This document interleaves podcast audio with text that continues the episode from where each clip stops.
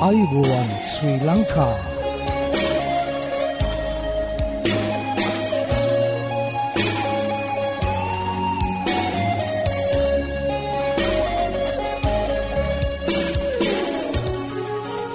ඔබට සුපදස මේ Adventist world radio බලාපොරොත්වය හඬ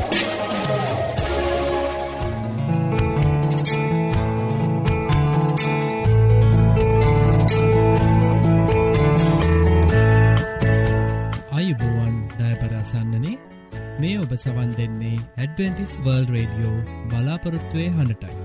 මෙම වැඩසටාන ඔබහටගෙනෙන්නේ ශ්‍රී ලංකා 70ඩවෙන්ටිස් කිතුුණු සභාව තුළින් බව අපි මතක් කරන්න කැමති.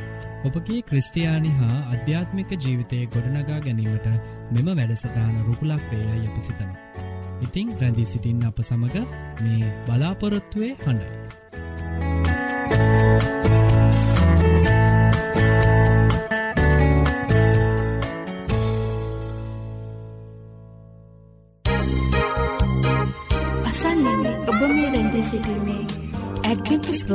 බලාපොරත්තුවය හඬ සමඟ.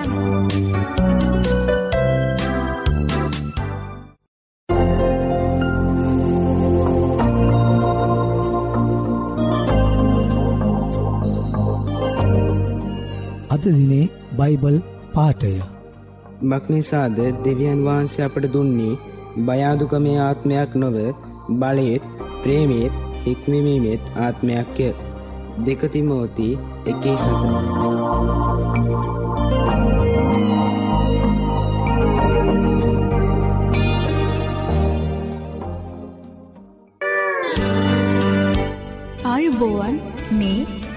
ඇඩ්ෆිටිස් වර්ල් රඩියෝ බලාපොරොත්වය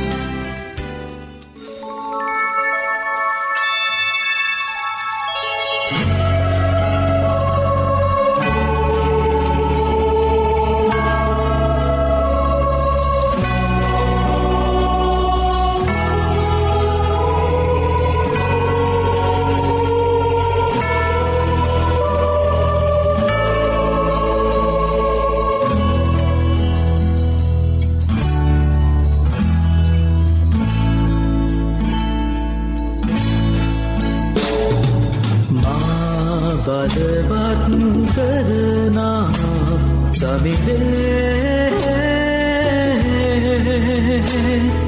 ඔබ තුළ මට කළ හැක සැමදේ. තුබාල වසිත සැලේ.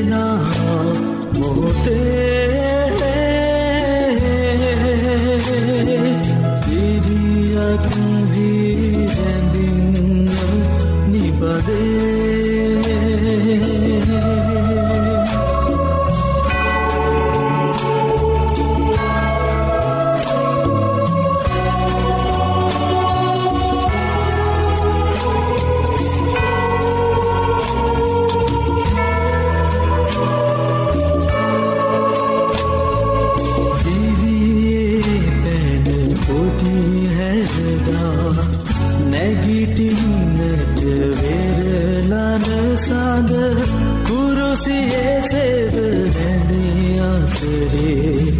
පානගන්න දිරිදෙනු නැන සමිදේ සනිී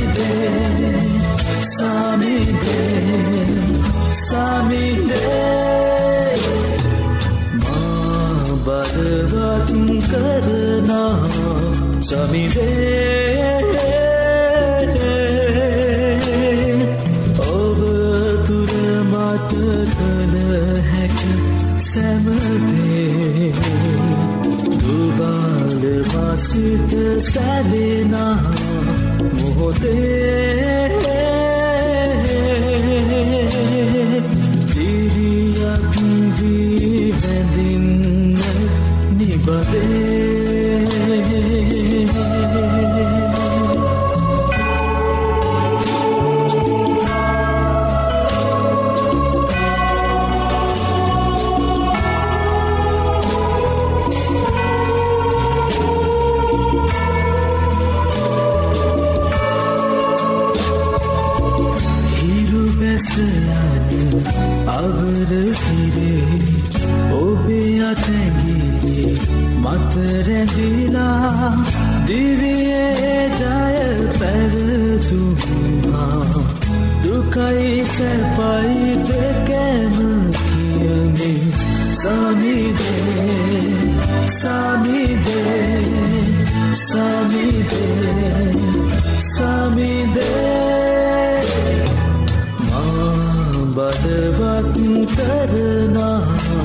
සමිදේ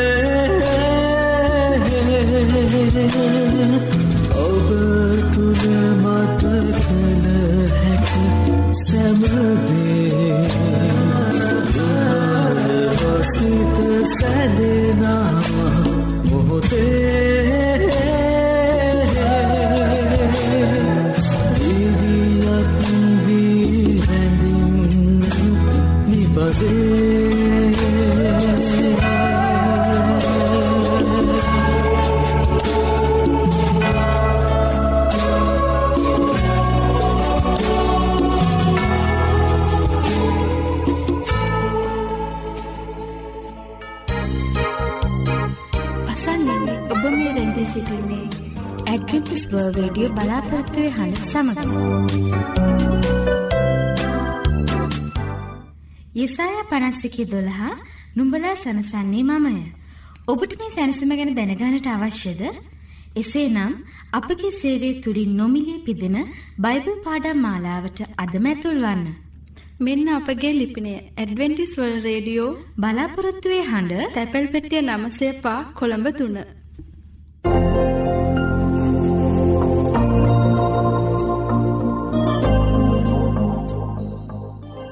ඉතින් හිතවත හිතවතිය.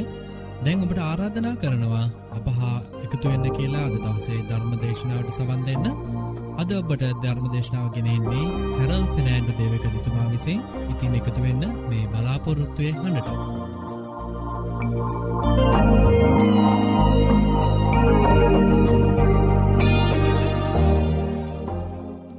ප්‍රිය අසන්නනී ඔබ අද සමාජය සමගින් ලෝකය තුළට එබී බැලුවොත් ඔබට අසන්නට දකින්නට ලැබෙන්නේ මොනවාද. මතයුතුමා විසිහතරේ තිස් හතේනන් තිස් නමයෙන් මෙහෙම කියනවා. නොවාගේ දවස්මෙන් මනුෂ්‍ය පුත්‍රයාගේ ඊමත් වන්නේය. මක්නිසාද ජල ගැලීමට පළමු දවස්වලදී නොවා නැවට ඇතුල් වූ දවස දක්වා. ඔවුහු කමින් බොමින් සරණපාවා ගනිමින් සිටියෝය. ජලගැල්ම පැමිණ සියල්ලන්ම ගස්සාගෙන යනතුරු ඔවුහු නොදැන සිටියෝය. මනුෂ්‍ය පුත්‍රයාගේ ඊමත් එලෙසෙම වන්නේය කියා. අද පවා ලෝක තත්ත්වය ක්‍රිස්තුස් වහන්සේගේ අනාවැකිය පරාවර්තනය කරනවා. මොනම මාධ්‍යයක වැඩසටහන් හෝ වේවා මේ සෑම ජනමාධ්‍යයකින්ම දිනපතා වාර්තා වන්නේ දූෂ්‍ය වූ සමාජයේ හද කකියවන වාර්තාවන් විතරයි. නිතරම නපුරු වාර්තා ඉදිරිපත් කරන්න වූ අය බොහෝ විට ඔවුන් වාර්තා ඉදිරිපත් කරන්නේ පමණක් නොව එකී නපුරම ලොවට බෙදාහරින්නෝද බවට පත්වන්නටත් පුළුවන්. ජල ගැලීමට පෙර සිටි අය තුළ ඒ තිබූ විශේසත්වයන්ගෙන් එකක් නම් සන්නිවේදනය කර ගැනීමේ උසස් හැකියාවයි. එකම භාෂාව කතා කිරීමට තිබූ හැකියාව මිනිසාගේ මනක් කල්පිත සොයා ගැනීම නිසා බාබෙල් කොත ගොඩනගෙන අවස්ථාවේදී දෙවියන් වහන්සේට මැදහත් වන්නටත් සිදුවුණා. මෙවැනි ස්වාභාවික සම්පත් යොදාගෙන නිපුණතාවයේ වේගය දෙවියන් වහන්සේ හා මිනිස් වර්ගයා වෙනුවෙන් උන්වහන්සේගේ සැලසුම මග හරින්නට යොදාගන්නා බව අද දවසේ ජනමාධ්‍ය සහ සන්නිවේදනයන් තුළින් අපට දැකගන්නට පුළුවන්. පරිගණකය සෙල්ෆෝන් වීඩියෝ DVD සහ චන්ද්‍රිකා යහපත් කාර්යයන් සඳහා ලබා ගැනීමට තිබුණත් අද සමාජය විසින් දුරාචාරය ප්‍රගුණ කරන්නා වූ ඒවා වර්තමානයේ උසස් ලෙස සංකීර්ණ කරනු ලැබූ සම්බන්ධතා මාධ්‍යයක් බවට පත්වෙලත් තිබෙනවා. ඔබගේ කාලය හා ජල ගැලීමට පෙර සිටියා වූ සෙනග අතර ඇති සමාන්ත්‍ර බව ගැන එලන් වයිට් මහත්මයත් මෙහෙම ලියලා තිබෙනවා. නොවාගේ දවස්වලමෙන් වර්තමාන සමාජය දූෂ්‍ය වෙලායි තිබෙන්නේ. පාරාදීසයට පියවරක් පමණක් දුරින් සිටියා වූ ජලගැලීමට පෙර විසූවන්ට දෙවියන් වහන්සේ විපුල තියාගයක් දුන්සේක. ඔවුන්ට තිබුණා වූ කායික හා මානසික ශක්තිය ගැන අද මනුස්්‍යයන්ට සිතන්නට පවා බැරිතරම්. නමුත් ඔහු උන්වහන්සේ දුන්නා වූ උන්වහන්සේගේ ත්‍යාගයන් ශක්තිය හා කුසලතාවයන් ආත්මාර්ථකාමී කරණයෙන් නොපනත්කමේ තෘෂ්ණාවෙන් හා උඩඟුකම පිනවන්නට භාවිතා කළා. ඔවුහු දෙවියන් වහන්සේ තම සිතින් පලවා හැරිය. උන්වහන්සේගේ පනත් හෙලාදුටුව. උන්වහන්සේගේ චරිතයේ ප්‍රමිතිය දූවිල්ලෙහි පෑගල දැම්ම. ඔහු පාපිෂ්ටවත් වූ ඔවුන්ගේ දුෂ්ට මාර්ග දෙවියන් වහන්සේ හමුවෙහි එළිදරව් කරමින් එකිනෙකා දූෂ්‍ය කළා. ප්‍රචන්්ඩත්වය හා අපරාධවලින් ලොව පිරීගිය. විවාහය පවා නොසලකුව. විඩාවට පත්වූවන්ගේ හැඬීම සබතේ ස්වාමින් වහන්සේගේ කනවැකුණ. මිනිසා නපුර දෙස බැලීමෙන් එම ස්වරූපයට වෙනස් වුණ. ඔවුන්ගේ නපුර තවත් ඉවසාගත නොහැකි වූ දෙවියන් වහන්සේ ඔවුන් ජලගැලීමකෙන් විනාශ කලා. ඔබ ජීවිතය තුළ පාලනය නොකරන්නා වූ තෘෂ්ණාවේ නීරසට ක්‍රිස්තුස් වහන්සේ ප්‍රතිඵල දෙනවා. දෙක කොරන්ති තුනේ එක ඉනම් පහට කියවල බලන්න. දෙවියන් වහන්සේ ලෝකයේ දූෂ්‍යකමින් ගැලවෙන්නැයි ඔබගෙන් ඉල්ලා සිටිනවා. ඔබගේ නිවෙස්වල හා පුද්ගලික ජීවිතයේ නරඹන කියවන හා කරන දේවලට සීමාවක් තබා ගන්න. මෙම කාලයේදී ඔබ හැමදෑම ක්‍රිස්තුස් වහන්සේට නැවත නැවත කැපවෙලා නිරන්තරයෙන්ම උන්වහන්සේ සමඟ ගමන් කලන්න. ඔබ කිසිම ආකාරයේ කායික ආත්මික උද්වේගී හෝ ලිංගික අපචාරයන් අනුමත නොකරන ජේසුස් ක්‍රිස්තුස් වහන්සේටයි ඔබ අයිතිව තිබෙන්නේ. ඔබ ජේසුස් ක්‍රිස්තුස් වහන්සේට අයිති නිසාම ඔබ කළ යුත්තේ එමුත් එතුමා කැමතිදේ පමණමයි. මෙවැනි අපචාරයන් දෙවියන් වහන්සේ තමන් වහන්සේගේ අනාගතවක්තරෝ මල්ලාකි තුළින් පැවසවාවදයට විරුද්ධයි. මක්නිසාද භාර්යාවක් අත්හැර දැමීමට මම දවේශ කරමේ දෙව් ස්වාමින් වහන්සේ කියනසේක. තමන්ගේ වස්ත්‍රය බලත්කාරයෙන් වසන්නාටත් මම දවේශ කරමේ සේනාවල ස්වාමින් වහන්සේ කියනවා. එබැවින් නුඹලාගේ ආත්ම ගැන ප්‍රවේසම් වේ ද්‍රෝහිකම් නොකර සිටපල්ල කියලා මලාකි දෙකේ දාසයෙන් පෙන්නුම් කරනවා. අප සමහර අවස්ථාවන්හිදේ අපචාරය එතරම් භයහානක නොවේ යයි සිතුවත්. එහෙම වනත් දෙවියන් වහන්සේ එය ඉතා භයහානක දෙයක්සේ සලකනවා. අප දෙවිඳුන්ගේ සුරූපයෙන් ස්ත්‍රී පුරුෂ ලෙසින් මවා ඇති බව සලකන අවස්ථාවේදී මොන ආකාරයෙන් හෝ අපචාරයක් කර ඇත්නම් එය දෙවියන් වහන්සේගේ උදහසට ඒ වගේම උන්වහන්සේගේ උදහසට කාරණාවෙන අතර එම උදහස අවුලවන දෙයක් වෙනවා. අපචාරයට කිසිම බයිබලීය පදනමක් නැහැ. කිතුුණු විවාහය ප්‍රතික්ෂේප කරනු ලැබූ ලොවක අපි ජීවත් වෙනවා. අපි අපගේ පවුල වෙනුවෙන් දෙවියන් වහන්සේගේ සැලසුම අදටත් වලංගු හා මැදහත් බව ප්‍රදර්ශනය කළ යුතුව තිබෙනවා. කිතුුණු විවාහයේ පැවැත්මට අපහසු කරන අභියෝගයන්ට අපි මුහුණ දෙමින් සිටනවා වර්තමානයේදී. නමුත් දෙවියන් වහන්සේගේ උපකාරයෙන් උන්වහන්සේ සලසුම් කලා වූ ආකාරයට විවාහයක් පවත්වාගෙන යා හැකි. ඔබ එකිනෙකා වෙනුවෙන් දෙවියන් වහන්සේ යදීමට කාලය වැය කළ යුතුව තිබෙනවා. ඔබගේ සහකාරය සහකාරිය වෙනුවෙන් ඔබගේ හදවත ප්‍රේමයෙන් පුරවන්න කියා දෙවියන් වහන්සේගෙන් ජෙසුස් ක්‍රිස්තුස් වහන්සේගෙන් ඉල්ලා සිටින්න. ඔබ පවුලේ එකිනෙකාට කරුණාවේ හා ප්‍රේමේ වදන්වලින් කතා කිරීම වර්ධනය කරන්නට ඕන. ඔවුන් සමග කාලය ගත කළ යුතුයි. සෑම පවුලක්ම දෙවියන් වහන්සේගේ බලයෙන් යුතුව තම විවාහය කැඩී බිඳී නොයන්නට එකිනෙකා දෙවියන් වහන්සේ ඉදිරියේ ජේසුස් ක්‍රිස්තුස් වහන්සේ ඉදිරියේ එකිනෙකා පොරොන්දු කරගන්න. අවශ්‍ය නම් තම විවාහය සැබෑ කිතුුණු ජයග්‍රහණයක් කරගන්නට උපදෙස් සොයන්න. පාපය සමාජයේ අපරාධ ඇති පරිසරයක පමණක් නො පවතින බව පවුල්තුමා පෙන්නුම් කරලා දෙනවා.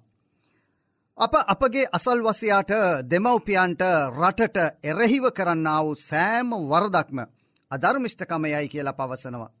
මෙයට ඔබ තුළ කෙරෙන සියලු අපරාධද අඩංගුවෙලා තිබෙනවා. මනුෂ්‍ය කරූරකම් හා වංකකම ගැන දෙවියන් වහන්සේගේ උදහස ගැන පාවුල්තුමා මෙහෙම කියනවා. එසේ කළේ ඔවුන් දෙවියන් වහන්සේගේ සත්‍යය බොරුවකට මාරු කර මැවුම් කරුවාණන් වහන්සේට නොව මැවිල්ලට නමස්කාර කරමින් මෙහි කළ නිසයි. උන්වහන්සේ සදාකල්ලෙම ප්‍රසංසනීයව සිටින සේක ආමෙන්. ඒ නිසා දෙවියන් වහන්සේ ඔවුන් නීච තෘෂ්ණාවලට බාර දුන්න. ඔවුන්ගේ ස්ත්‍රීහු ස්වභාවික ව්‍යවාහාරය ස්වභාවට විරුද්ධ වූ ව්‍යවාහාරයකට වෙනස් කරලා තිබෙනවා. එමෙන්ම පුරුෂයෝද ස්ත්‍රිය සම්බන්ධ ස්වභාවික ව්‍යවාහාරය අත්හරල. ඔවු නොවුන් කෙරෙහි රාගයෙන් මත්ව පුරුෂයෝ පුරුෂයන් සමඟ අස්සෝභනදය කරමින් තමුන්ගේ වරදවලට සුද්දුසු පල තමුන් තුළම ලබල තිබෙනවා. තවද ඔවුන් දෙවියන් වහන්සේ දැනගන්නට අකමැතිව සිටින බැවින්. නොසුදුසුදේ කරන පිණිස දෙවියන් වහන්සේ ඔවුන් ජඩ සිතකට පාවාදීලා තිබෙනවා. ඔවුහු වනාහි සියලු අධර්මිෂ්ට කමින්ද දුෂ්ටකමින්ද ලෝභකමින්ද නපුරුකමින්ද පූර්ණව ඊර්ෂාවෙන්ද මිනිමැරීමෙන්ද දබරයෙන්ද වංචාවෙන්ද ක්‍රෝධයෙන්ද පිරීන්නවා. ඔහු කනට කොඳුරන්නෝව කේලම් කියන්නෝව දෙවියන් වහන්සේට පිළිකුල් වූවෝව නින්දා කරන්නෝව උඩඟු වූවෝව පාරට්ටු කරගන්නෝව නපුරු දේවල් උපදවන්නෝව මව්පියන්ට අකීකරු වූවෝව අඥ්ඥානයෝව ගිවිස්සුම් කඩ කරන්නෝව ජන්ම සෙනෙහය නැත්තෝව දයා නැත්තෝව සිටිනවා.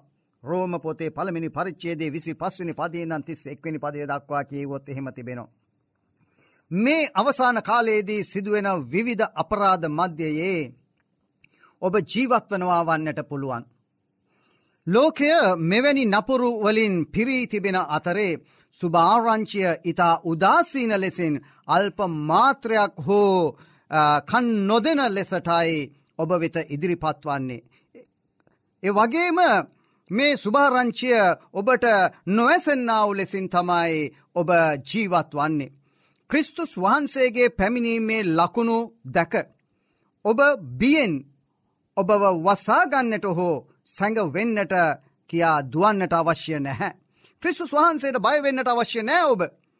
ඒ වගේම වැඩිවන නපුරකම් සහ ප්‍රේමය දකින්නට අපහසුවීම ගැන ජේසුස් වහන්සේ මෙහෙම කියනව මතය සුභාරංචය විසි හතරේ දොළහා.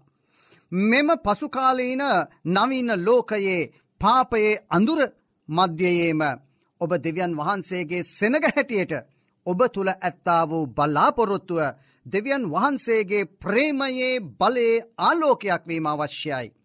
ඔබ අනුග්‍රහයෙන් පිරි සම්බධතාවයන් තුළ දෙවියන් වහන්සේගේ ප්‍රේමයෙන් ඔබ ජීවත්වය යුතුයි.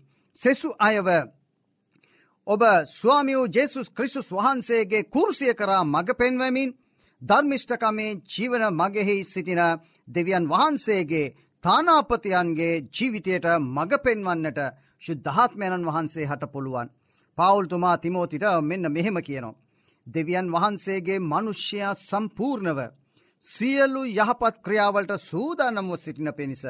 දේවානු භාවෙන් දුන් මුළු ලියවිල්ල ඉගැන්වීමටත් තරවටුවටවත් හික්මවීමටත් ධර්මිෂ්ඨකම ගැන ගුරුකම් දෙන්නටත් ප්‍රයෝජනවත්ව තිබේ කියලා දෙකතිමෝති තුනේ දාහත කියනවා.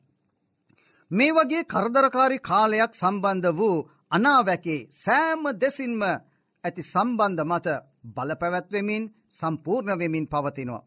නමුත් දෙව වචනයේ ඇති පොරොන්දු ඔබ මතට පැමිණෙන ඕ නෑම අභියෝගයක් හසුරුවන්නට ඔබට සහතිකය සහ බලාපොරොත්තුව ලබල දෙනවා.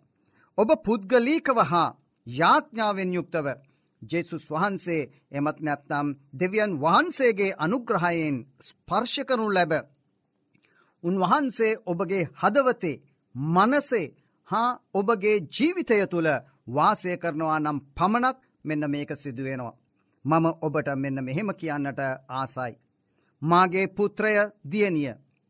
මී පැණි හොඳ බැවින් ඒවාද නුඹේ දිවට මිහිරි වූ මී වදයේ පැනිද කාපන්න.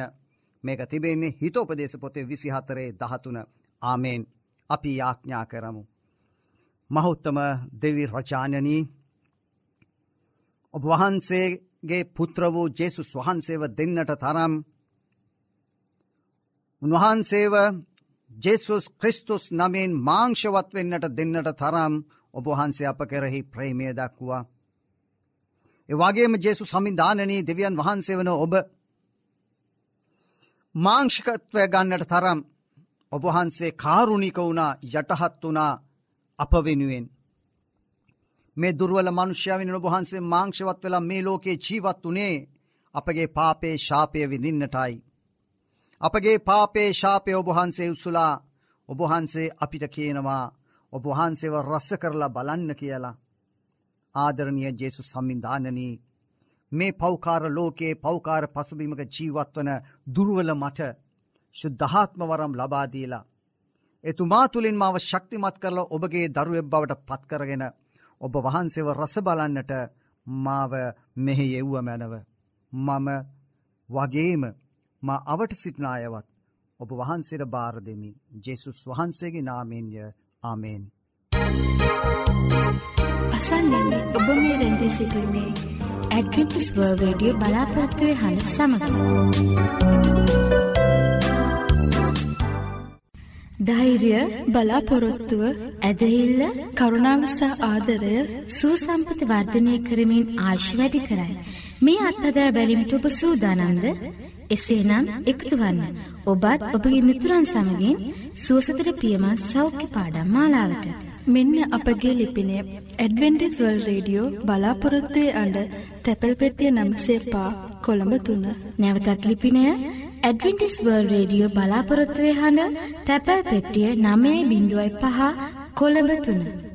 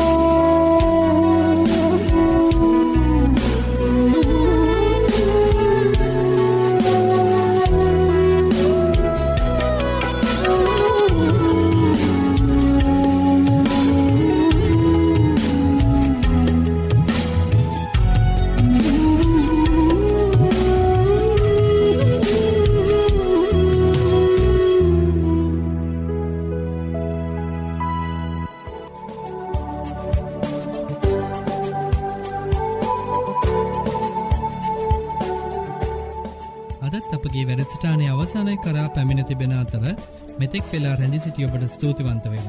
හෙටත් සුපුරුදු පරදි හමුවීමට බලාපොරොත්තුවයෙන් සමුගන්නාමා ක්‍රිස්ටියකනායක. ඔබට දෙවියන් වහන්සේගේ ආශිර්වාදය කරුණාව හිමියේවා.